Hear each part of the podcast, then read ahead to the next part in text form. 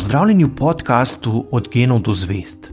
Moje ime je Sašo Dolinc in pripovedoval vam bom zanimive zgodbe iz sveta znanosti.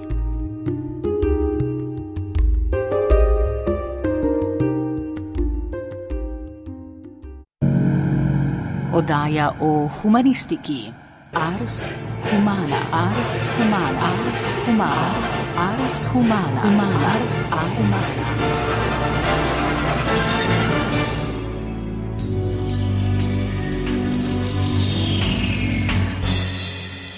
Povod za ta pogovor je evropska raziskava javnega mnenja na temo znanje in odnos evropskih državljanov do znanosti in tehnologije. Po tej raziskavi imamo slovenci najbolj negativno mnenje o znanstvenikih in znanstvenicah med vsemi državami Evropske unije. A kot vemo, je znanost ključno zaznamovala človekovo dojemanje sveta, družbe in samega sebe. Še več je osnovni dejavnik pri spoznavanju in odkrivanju astronomskih, fizikalnih, kemijskih, bioloških in drugih naravoslovnih zakonitosti, ter je hkrati gibalo tehnološkega razvoja. Znanost je skratka kompleksen pojem in je tudi odnegdaj na nek način povezana z ekonomskimi interesi. Kako je s tem in kako je z nezaupanjem oziroma zaupanjem v znanost pa v pogovoru, ki sledi. Z menoj sta dr. Sašo Dolenc, urednik Kvarkadabre, pozdravljeni. Pozdravljeni.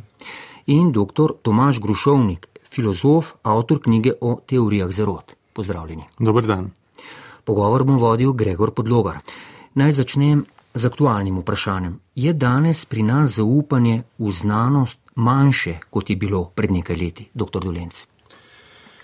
Ja, v bistvu ne vem, če imamo pri nas kakšno zelo sistematično spremljanje tega vprašanja skozi čas, da bi lahko neposredno sklepali, kako se um, odnos javnosti do znanosti spreminja. Imamo te splošne raziskave, ki mogoče rangirajo poklice ne, na najbolj cenjenje, ponavadi gasilec, najmanj pa politik in ostali se pa nekje razporedijo vmes. Ne. Ampak to ni tisto, kar bi nam dalo pravi um, pogled v to, kaj misli javnost o znanosti oziroma o znanstvenikih. Ne. O tem lahko mogoče posredno sklepamo preko odnosa do m, mm, določenih uh, dejavnosti, za katere je pa zelo pomembno, da zaupamo znanosti. Recimo odnos do cepljenja je taka tipična, tipična tema, kjer moramo v bistvu zaupati medicini, znanosti, da se odločimo, da bomo nekaj dali v svoje telo. In čeprav pač znanost zelo jasno skozi mnoge študije kaže, da je to eden od najbolj učinkovitih preventivnih ukrepov v boju proti nalezljivim boleznim, je odnos, ki ga imajo prebivalci posameznih držav do cepljenja. In tukaj mi znotraj Evropske skupnosti smo nekje na repu, ne, blizu tem drugim vzhodnoevropskim, balkanskim državam, ne, odnosu do cepljenja.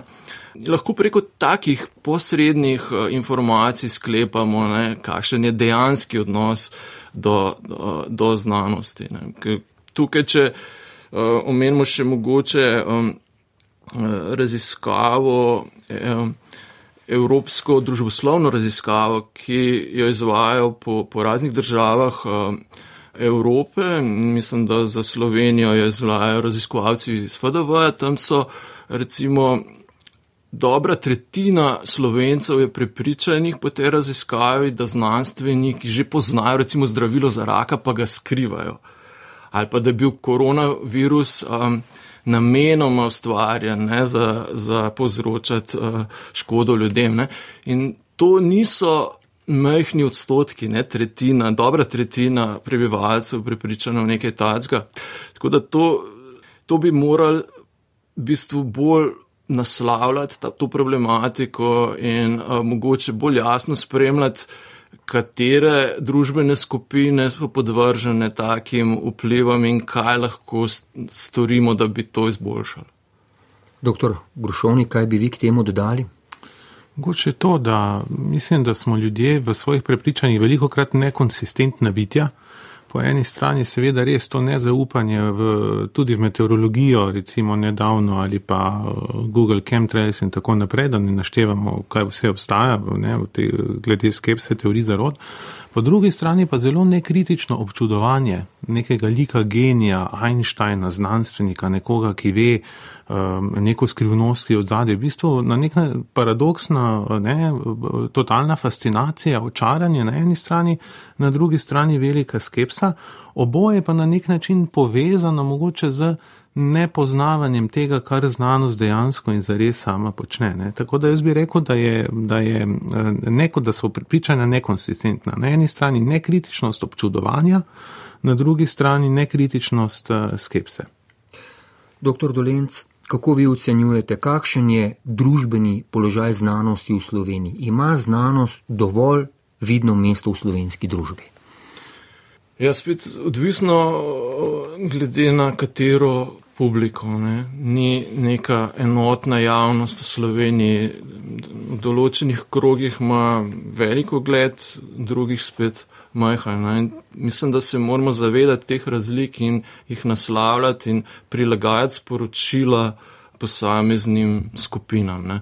Tako da tukaj se mi zdi, da je zelo pomembno, da se zavedamo, da ni nujno nek strokovnjak za neko področje najboljši, da ne sporoči neka spoznanja z tega področja širši javnosti, ker mogoče nima niti znanja, da to predstavi na takšen način, da ciljna publika nekaj dojame. Ne? Lahko se zgodi samo to, pač, da fascinira svojo pojavo ali pa, ali pa zbudi ravno nasproten efekt. Ne. Zgubi se pa ta prenos informacij in predvsem pomembno je, da se gradi neko zaupanje za posamezne ciljne skupine.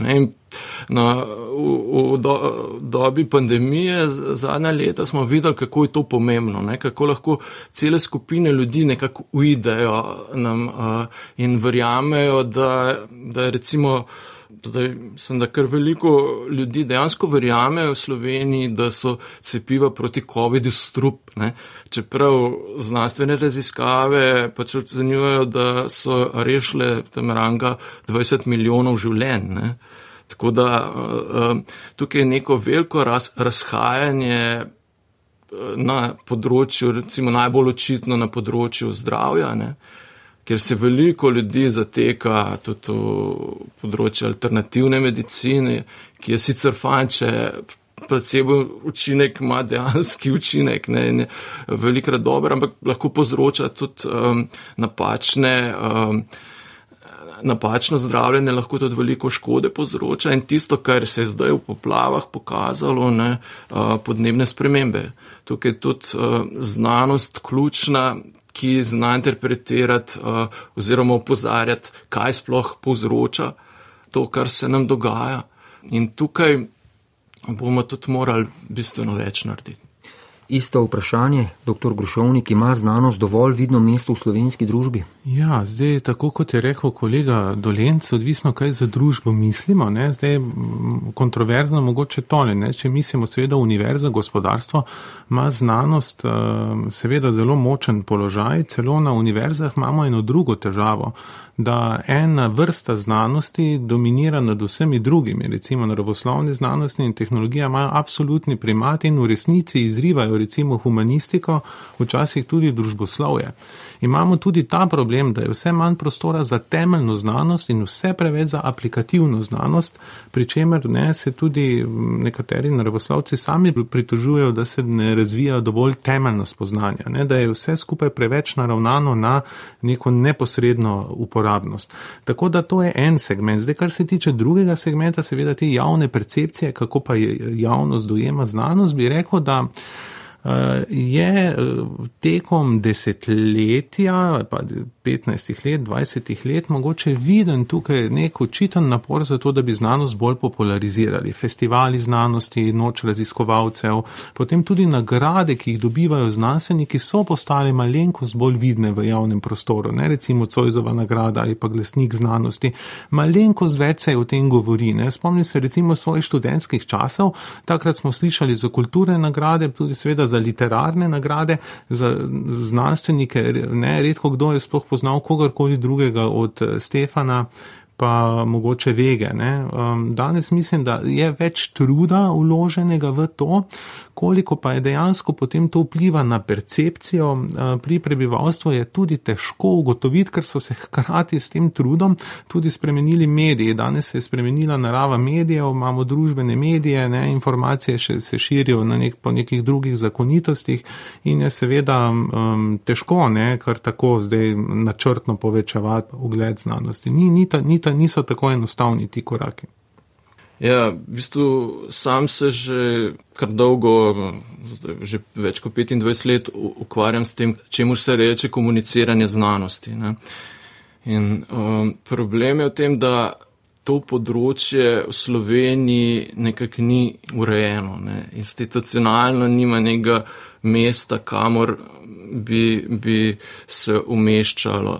Znanost sicer pravi, da je to koristno, sam ne znaš ga naše vreče denarja. Ne? Univerza je isto, to je koristno, ampak to ne bomo mi na univerzi imeli. Ne? In ni neke umestitve za profile, ki to počnejo resno. Ne? Nekako se skozi predpostavlja, da je to neka postranska dejavnost znanstvenikov, popodanska dejavnost ampak ta popodanska dejavnost eh, je lahko mogoče, ko se človek upokoji eh, ali pa v takih primerih. Ne? Če pa ti resno se ukvarjaš z, ne, z nečem, pa hitro nisi več konkurenčen na tistem področju, recimo, kjer si prej bil akademsko aktiven. Eh, tako da v tujini so to že pred desetletji zaznali in a, začeli urajati. Pri nas pa se res zelo aktivno zauzemam za to, da bi tudi pri nas začele te spremembe, pa žal ni posluha na nobeni instanci. No? Tako da to se mi zdi velik problem, in, um, ki ga bo treba spremeniti. Kar je tudi recimo, če se na, smem navezati, razvidno tudi pri tem, da praktično nimamo eh, nekih finančnih virov za izdajanje poljudnih znanstvenih publikacij. Pri nas lahko izdaš znanstveno monografijo ali pa recimo literarno delo. Ta umestni prostor je pa kar nekako prepuščen uh, iznajdljivosti posameznikov. Ne. Ni sistemsko urejen. Ja, mislim, v tem našem znanstveno-akademskem svetu se je pač vrednotenje nekako. Um, podvrglo nekim algoritmom in na teh algoritmih je to izpadlo. Ne. Tako da pač, če to počneš, se to nikjer ne vidi. Ne. V tujini ni tako, ne. recimo že v drugih evropskih državah imajo prav um, posebej namenjajo um, uh, pozornost tem, je to neka akademska pot lahko, da se ukvarjaš s komuniciranjem znanosti, so razpisi z tega področja, so nagrade.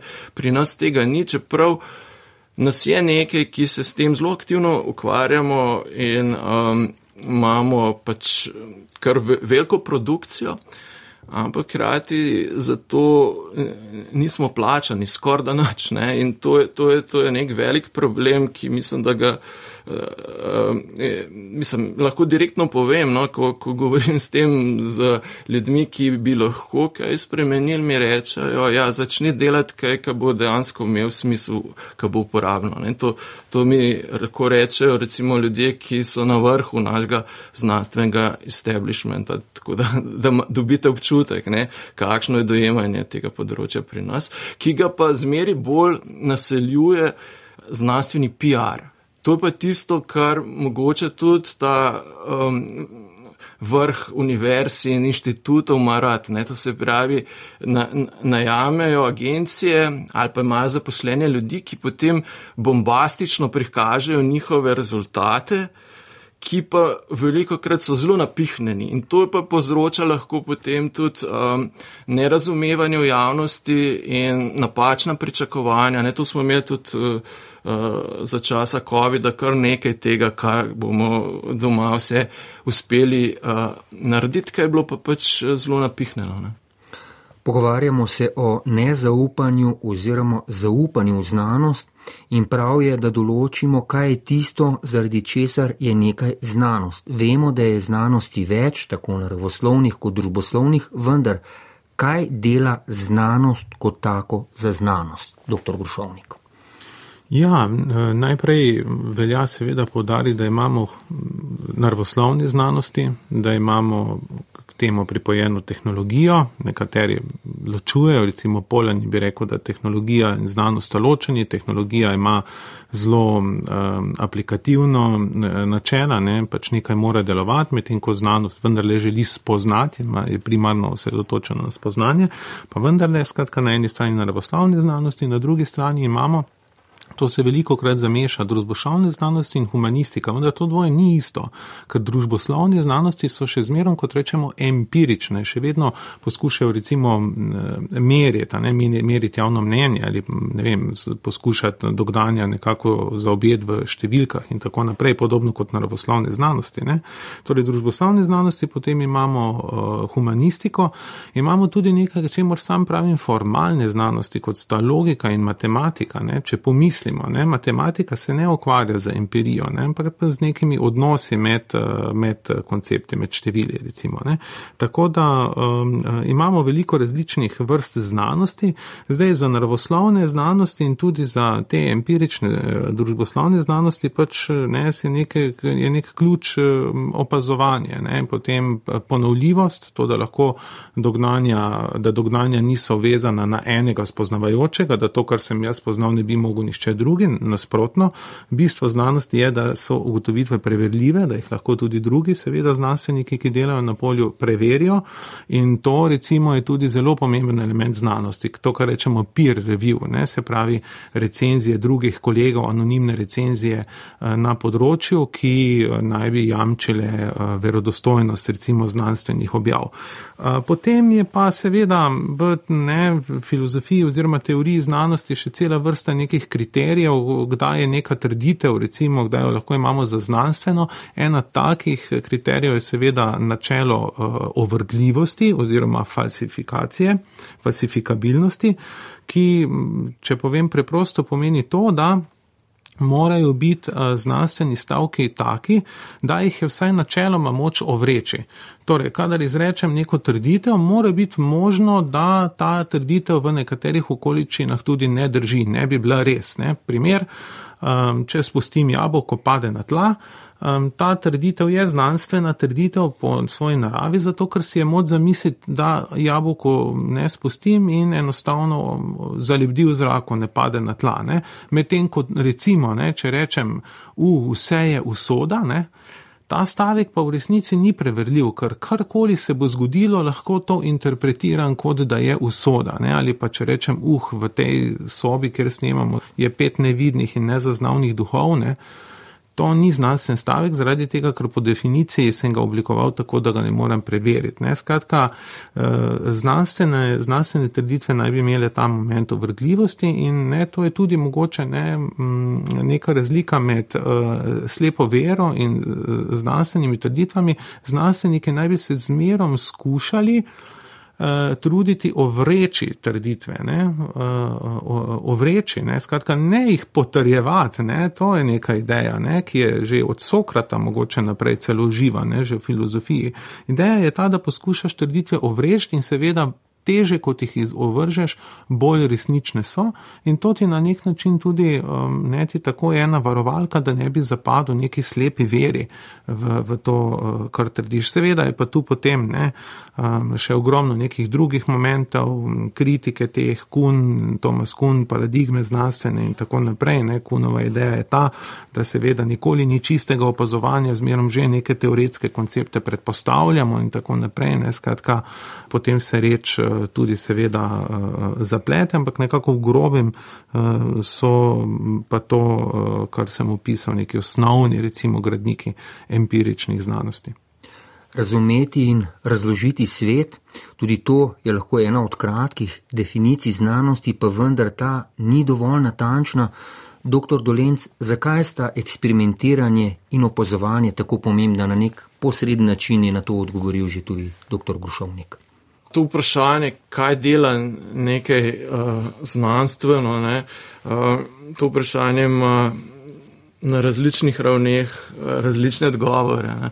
Mogoče v kontekstu tega našega pogovora bi bilo dobro zadeve poenostaviti in reči, da je tisto, kar, kar je ključno v znanosti, je, da se tvori znanstvena skupnost okrog neke problematike in da se potem raziskovalci z tistega področja medsebojno preverjajo, debatirajo.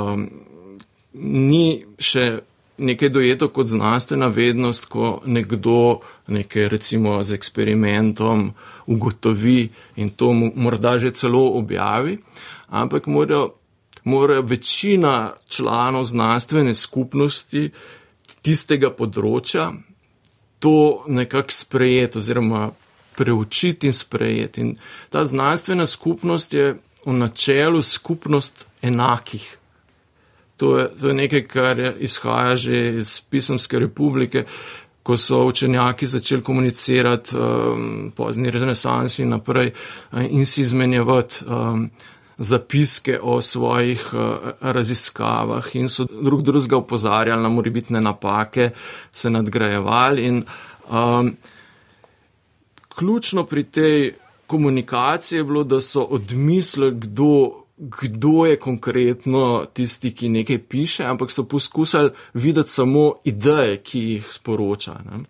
To je nekaj, kar, kar je postalo eh, temelj nekak znanstvene skupnosti. Ne, da lahko, če ima nekdo dobre ideje, pa je popolni začetnik, lahko nekega strokovnjaka, sicer argumentirano, uh, uglednega strokovnjaka z dolgo tradicijo, argumentirano, spoštljivo, sesuje v končni fazi. Ne.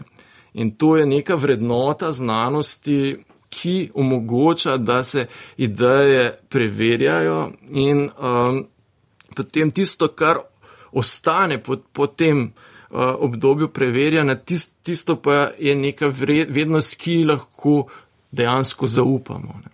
In um, znanstvena pismenost je, tist, je prav ta sposobnost, da znamo preveriti, a je neka ideja še zelo sveža ali je že močno sprejeta v znanstveni skupnosti.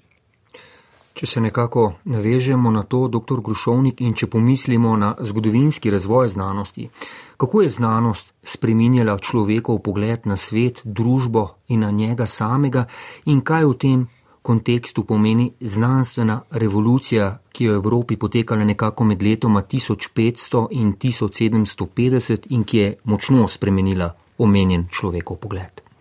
Ja, v tem obdobju je prišlo do velikih um, premikov na področju astronomije, seveda, ne?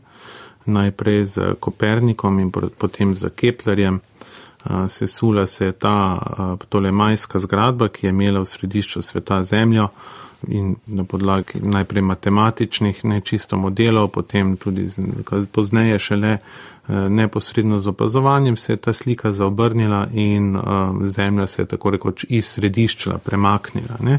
No, nekaj podobnega se je potem zgodilo tudi z Darwinom, ne. sicer pozneje, šele 1856 ne, in uh, človek je potem tudi v redu teh bioloških živih biti ne, izgubil neko svoje bomo rekli, kategorično različno od živali privilegirano mesto in je pač postal en izmed organizmov v tej verigi živih biti, ki teče od eno celičarjo pa naprej. Ne, seveda vemo, da ni zadnja uh, življenjska oblika.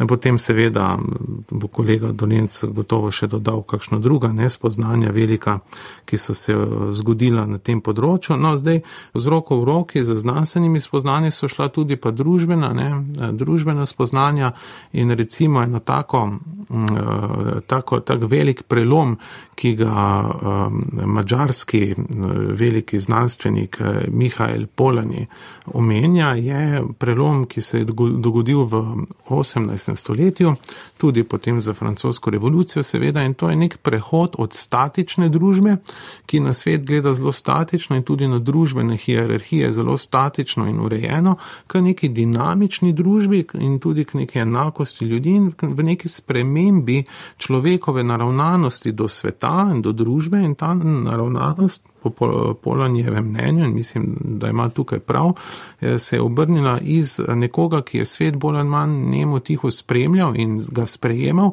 k nekomu, ki je začel zahtevati, recimo od vlade zahtevati spremembe. Ne, um, če si predstavljamo v 16. stoletju, uh, je bilo zelo nenavadno za poprečnega uh, posameznika zahtevati karkoli od oblasti, ne, pač moral si biti poslušan. Medtem ko danes, ne, seveda vsi zahtevamo, ne, se nam zdi, da oblast ni legitimna, če ne ustreže uh, našim željam. Ne, in tukaj je šlo za neko spremembo tudi v načinu, te, v načinu kot bi rekla Horkheimer in Nadorno, ne, za razsvetljenstvom, k nekemu upravljanju upravljanju, kalkuliranju, spreminjanju sveta, ne, k tej ideji, da lahko človeško bitje svet tudi spreminja in potem posledično uh, uh, seveda imamo neko eksplozijo um, tehnološkega razvoja. Tako da ta ne, slika od nekega statičnega k dinamičnemu univerzumu se mi zdi, da je ena izmed ključnih, uh, ključnih dogodkov, ki se dogodi v teh stoletjih. Doktor Dolenc, kaj bi vi k temu dodali?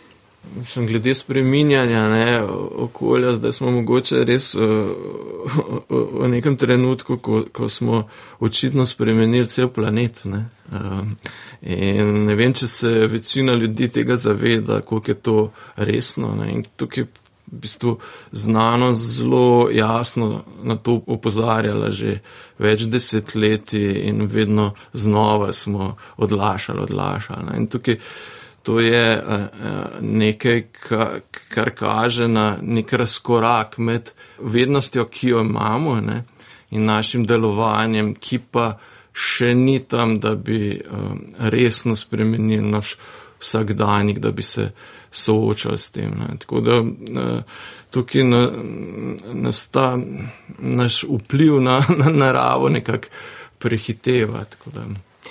Doktor Grušovnik, znano je, da je bila znanost že skozi zgodovino podvržena religiozni, politični ali ekonomski oblasti. Kdaj je torej znanost avtonomna in kdaj je lahko zlorabljena? Ja, to je odlično vprašanje. Zopet bi se navezal na polanje.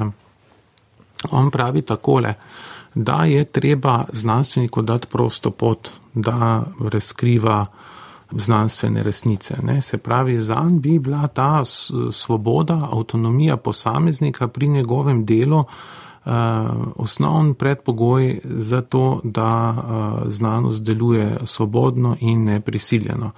Nasprotje tega bi bila neka programska znanost. Um, njegov primer je um, pač ta stalinistična znanost, ne, ki je imela um, pač te petletke in te cilje in zelo rigidno predpisano strukturo, kaj je vredno raziskovati, česa ne, kaj je bilo devalvirano. In ravno zaradi teh nekih, bom rekel, političnih neomešavanj, teh političnih sodb, kaj naj bi bilo vredno raziskovanja, kaj ne, se je po Polanju pač zgodil nek, um, nek mrk in znanost posledično ne le, da ni avtonomna, ampak tudi do velikih odkritij težko pride. In tu je seveda ena ta moja, mogoče malo črnogleda, ena velika bojazen. Zdi se mi, da danes živimo v podobnem obdobju, ki je podobno zelo programsko utesnjeno z nekimi politikami, z razpisi in tako naprej. Ne, posameznik ima če dalje manj možnosti, da se svobodno ukvarja z, z interesi, ki jih ima. Če dalje bolj se more priklapljati ne, na neke projektne razpise in tako naprej. In neka moja teza je ta, ne, da če želiš danes upravljati z ljudmi, ne, jim razpišeš projekte, ne, na katere se morajo prijaviti. Jaz mislim, dobro, zdaj mogoče malo pretiravam. Seveda ta projektna logika po drugi strani od znanstvenikov zahteva, da so seveda vendarle tudi družbeno odgovorni, da se ukvarjajo z nekimi relevantnimi stvarmi in tako naprej. Ni to samo uh, slabo, vendar pa po drugi strani, ne, če vse podvržemo tej logiki, ne, razpisni logiki, in res omejimo um, uh, svobodo ukvarjanja, ne, potem je moja teza ta, da lahko začnemo zanemarjati ne, temeljno znanost in posledice so lahko slave zaradi tega, ker s tem ne razvijamo nekih konceptualnih urodij, ki jih bomo mogoče potrebovali za soočanje z izzivi čez 50, 100, 150 let. In jaz za primer dam vedno Rimana, ne, ki se je ukvarjal z neoklitskimi geometrijami sredi 19. stoletja. Ne. Seveda takrat neoklitske geometrije niso imele nobene uporabne vrednosti. Ne. Danes pa vemo, da brez njih pa seveda ne bi eh, delovali GPS-i, kar pomeni, da Eh, brez tega, da se je nek piflar ukvarjal z vprašanjem, ali lahko iz ene točke, ki ne leži na premici, potegnemo več ali manj kot zgolj eno sporednico, kar je čisto teoretsko vprašanje, nam danes ne bi morali tople pice doma dostaviti. Ne? Tako da ne, težava med tem, kaj je aplikativno, kaj ni v resnici veliko krat politično, ekonomsko določena in lahko slabo vpliva na znanost v trenutku, ko jo onemogoča, ko jo duši, da ne razvija nekih čisto temeljnih, da ne pusti znanstvenikov, da se ukvarjajo z njihovim primarnim interesom, to je pa odkrivanje uh, naravoslovnih uh, zakonitosti. V zadnjih desetletjih se je znanstvenemu raziskovanju po svetu namenilo več finančnih sredstev kot v preteklosti. Tako je po eni strani prišlo do eksplozije novih znanstvenih panog, kot so umetna inteligenca, neurologija, računalništvo in tudi drugih, po drugi strani pa so se nekatere znanstvene raziskave začele podrejati kapitalskim družbam. Kaj to pomeni za znanost, doktor Dolenc, in ali ni slednji tudi eden od dejavnikov, ki poganja teorije zarot?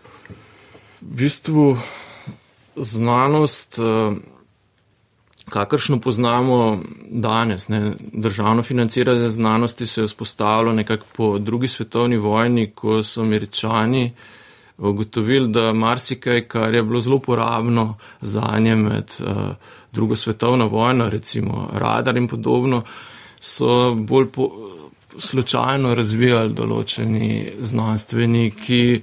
Um, ki mogoče za, za to svoje delo niti niso bili podprti.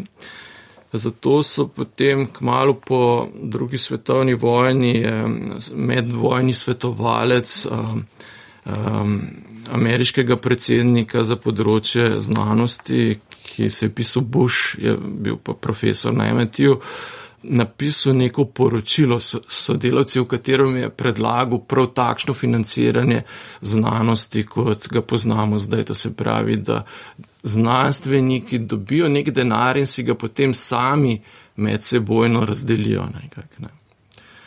um, jasno pa so še uh, po, po, po njihovih lasnih kriterijih. Hkrati pa američani so še vedno vse skozi veliko uh, vlagali v neke ciljne projekte, recimo poslati človeka na, na Luno in podobno. Tako da ta način financiranja znanosti so potem tudi druge države povzele in ga na, začele nadgrajevati. In zdaj mislim, da smo v nekem obdobju, ko, ko pa ga je treba spet premisliti na novo. No. Mogoče tak način um, zgolj tekmovanja na, na, na razpisih ni več dovolj, zato ker um, generira veliko publikacij, ki so nekako valuta za pridobivanje novega denarja, ki nimajo nobenega smisla, ne? ki niso tisto temeljno znanje, ki si ga želimo ne? in tudi hkrati niso aplikativno znanje, ampak uh, so zgolj neka, uh, nek vides nekega novega znanja. Ne? to je tudi pri nas kar velik problem, da se veliko dela zgolj za to, da se ustvarja vide znanstvene produkcije. Kaj lahko zdaj tukaj naredimo? Ne? Ta isti problem so tudi druge države že imele ne? in so ga zaznale in so predvsem bistveno ukrepile nek notranji nadzor znotraj znanosti. Ustanovile so um, službe, agencije, ki skrbijo za integriteto raziskovanja, za integriteto znanosti. Recimo v nemškem prostoru imamo znanstvenega ombudsmana, to ni ena oseba, to je pač inštitucija, ki je povsem neodvisna in ki ima zmožnost potem preiskovati strokovno delo. In tudi um, drugačne, raz, nasplošno razmere, recimo na inštitutih in na univerzah, uh, in lahko tudi ukrepa in tudi lahko razpusti inštitut. Ne? v skrajnem primeru in to se je že zgodilo v Nemčiji. Tako da tega pri nas še nimamo. In to je zelo pomembno, da bi se to vzpostavilo. In, um, tudi na tem področju se že kar dolg časa, na področju etike, znanosti, kar dolg časa um, nekako angažiram, to spremljam in vidim, da je. Um, da koliko imamo zdaj že 20 let nekako pripravljene, neka gradiva, kako se bo to ustanovilo, pa se nikoli ne zgodi. Zato, ker zgleda potrebuje skupnost nek zunanji, zunanjo spodbudo, ali bo to neka evropska direktiva, ali bo politika se odločila, da, da je treba to narediti. Um, ne vem, mogoče je pravi trenutek, da se veže povečevanje denarja na na to, da se tudi um, povečevanje denarja za skupnost veže na to, da se ustanovi dejansko neka neodvisna uh, agencija, ki bo uh, to spremljala, ker sami znanstveniki tega, vem, si ne želijo, ne?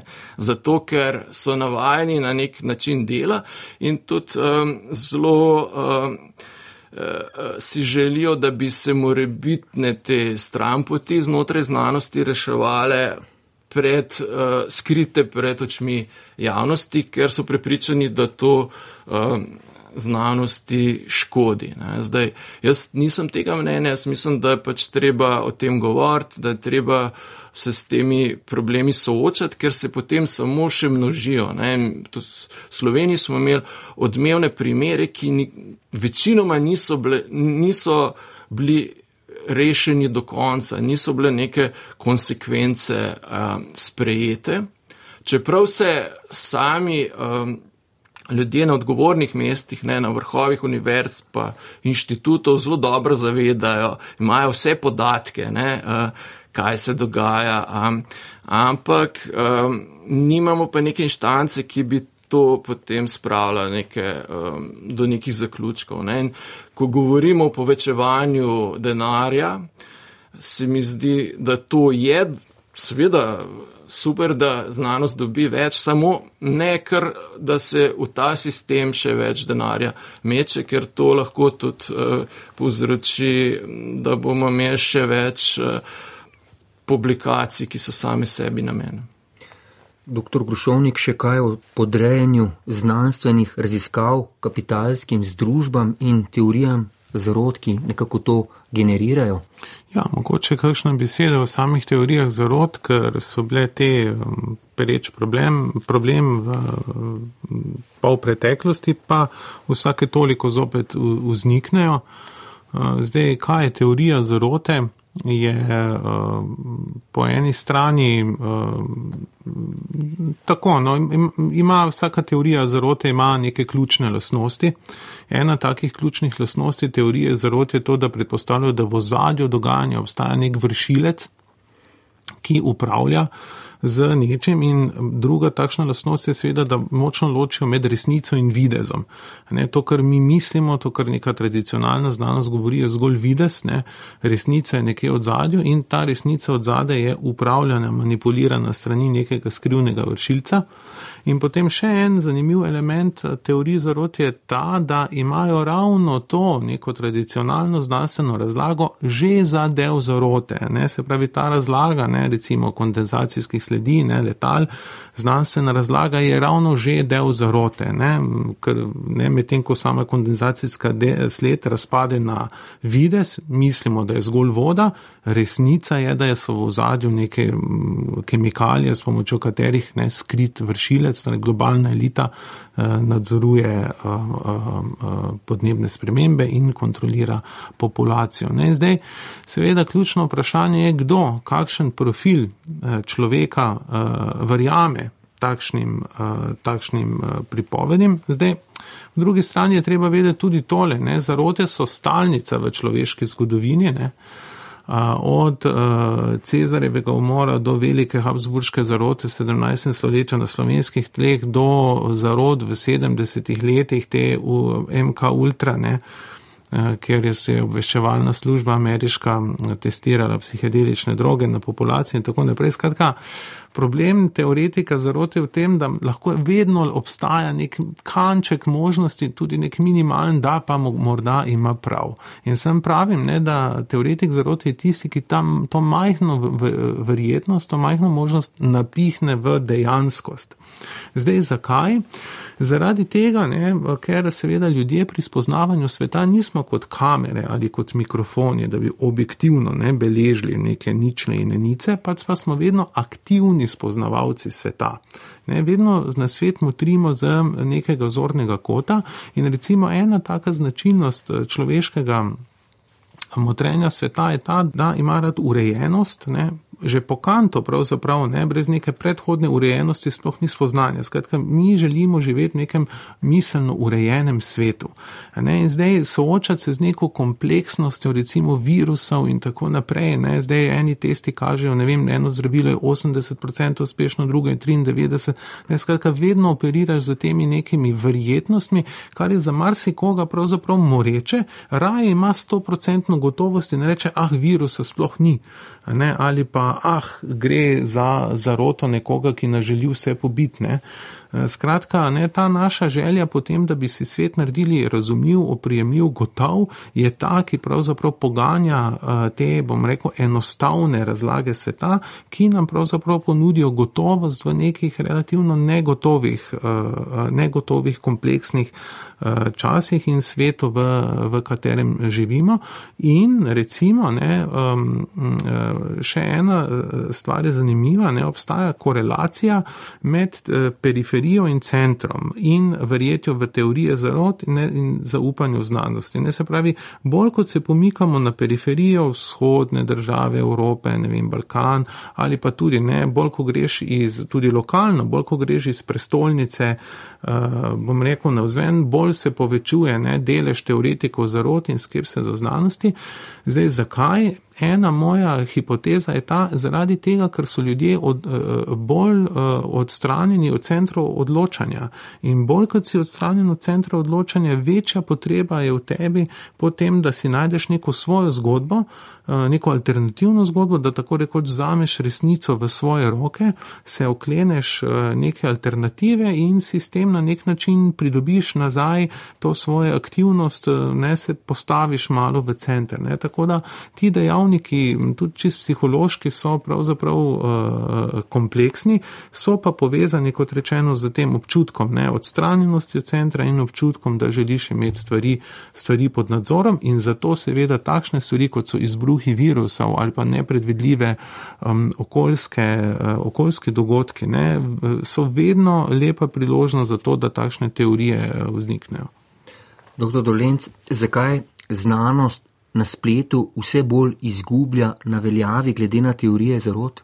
Bi rekel, da, da izgublja. Spet je odvisno, v katerih krogih. Um, splet, tudi družbena obnežja so um, se izkazala, sploh v obdobju epidemije, tudi za znanost zelo koristno. Ne? Vel, veliko te medsebojne komunikacije med znanstveniki je potekalo tudi preko Twitterja, smo lahko to v živo spremljali. Tako da um, tehnologija lahko pomaga v eno in drugo smer. Ne, če jo uh, pravilno uporabljamo, nam koristi, lahko pa tudi škodi. Tako da pomembno je, na kakšen način je znanost prisotna ne, in kako. Um, kako uh, jo percipirajo različne skupine ljudi. In tukaj se mi zdi, da, da imajo tudi mediji kar a, pomembno vlogo, da um, ne a, napihujejo recimo izjav ljudi, ki imajo avtoriteto, pa izrečajo kakšne strokovne neumnosti. Ne? Ali pa da, da ne vodijo ljudi, ki pred mikrofon, ljudi, ki nekako polivajo benzin na teorija zarote, ne, um, zaradi uh, raznih uh, svojih uh, vzrokov, ker lahko to povzroči veliko škodo. Mislim, da tudi sam kar veliko upozarjam na take napake, da pride pač kakšna. Uh, napačna informacija ali pa nekdo, ki je recimo redni profesor na ogledni univerzi, um, zelo samozavestno trdi recimo, da um, podnebne spremembe ne povzroča uh, kaj vem, ogliko dioksid, ki se nabira v, v atmosferi, ampak nekaj drugega. Ne. To so um, tisti problemi, na katere treba upozarjati in uh, na nje reagirati. In tudi na francoski nacionalni tele, televiziji imajo zelo komunikativne oddaje, na kateri se novinari, ki so specializirani za to področje, naslavljajo prav na teorije zarote ali pa napačne informacije, ki krožijo po družabnih omrežjih in po teh krogih uh, ljudi, ki se včasih uh, tudi zaprejo sami vase in jih naslavljajo na nek tak način, da lahko ti ljudje si tudi nekaj predstavljajo. Ne, ne, ne tako zvišeno, jaz sem znanstvenik, to je neumnost, ne, ampak na tak način povejo, da lahko te mehurčke malo uh, razpočijo. Ne? In to je tisti način, ki, ki ga moramo gojiti tudi v Sloveniji, ker uh, imamo resen problem. Ne? Če se nek zlobnež uh, začne nagovarjati politično ljudi, ki so nagnjeni teorijam zarod, ne? in pri nas tega zgleda ni malo, ne? imamo lahko velik problem. Doktor Grušovnik, kaj narediti na nek način, je dr. Dolen že odgovoril na to, da bo znanost v širši javnosti dobila ugled in veljavo in zakaj je sploh pomembno, da se pogovarjamo o njenem družbenem statusu. Jaz sem pravim ne takole, recimo, da je ena pot eh, vzgoja spoznavnega značaja ne, oziroma edukacija epistemskega karakterja. Mislim, da moramo da bi veljalo malo mogoče spremeniti tudi sam način, kako pristopamo k izobraževanju, tudi znotraj vzgojno-izobraževalnega sistema v znanosti in um, enostavno, um, ne, skratka, pripraviti to, kako ne rečem, spoznavno infrastrukturo pri ljudeh, to, kar je kolega Dolenci imenoval znanstveno pismenost. Ne. Skratka, ne rabimo se učiti toliko formul in toliko mogoče nekih procedur, kolikor bolj moramo usvojiti uh, ne, te veščine presojanja uh, kredibilnosti uh, podatkov, s katerimi se srečujemo. Mislim, da bi to bil en tak uh, korak v, v pravo smer. Nekaj stvari pa smo že uh, tudi prej omenili, ne, to je to, da bi veljalo res komuniciranje znanosti ne, posebej nasloviti in ne na nek način kaznovati tiste znanstvenike, ki se ukvarjamo ravno s takšnimi tematikami, s tem, da se nam potem vzame čas za znanstveno produkcijo, ki šteje, ampak da se to dejansko tudi na primeren način vrednoti in da se tudi odprejo vrata za, uh, za uh, poljudne, poljudne znanstvene publikacije, ki so trenutno bolj zaprta. S temi besedami končujemo oddajo Ars Humana, ki smo jo namenili razmisleku o nezaupanju oziroma o zaupanju v znanost. V pogovoru sta sodelovala dr. Sašo Dolenc in dr. Tomaš Grušovnik, oddajo sem pripravil in vodil Gregor Podlogar, tehnično pa jo je izvedel Jrnej Boc. Hvala za vašo pozornost, pa lep pozdrav. Oddaja o humanistiki. Ars humana, ars humana, ars humana, ars, ars humana, humana, ars, ars humana.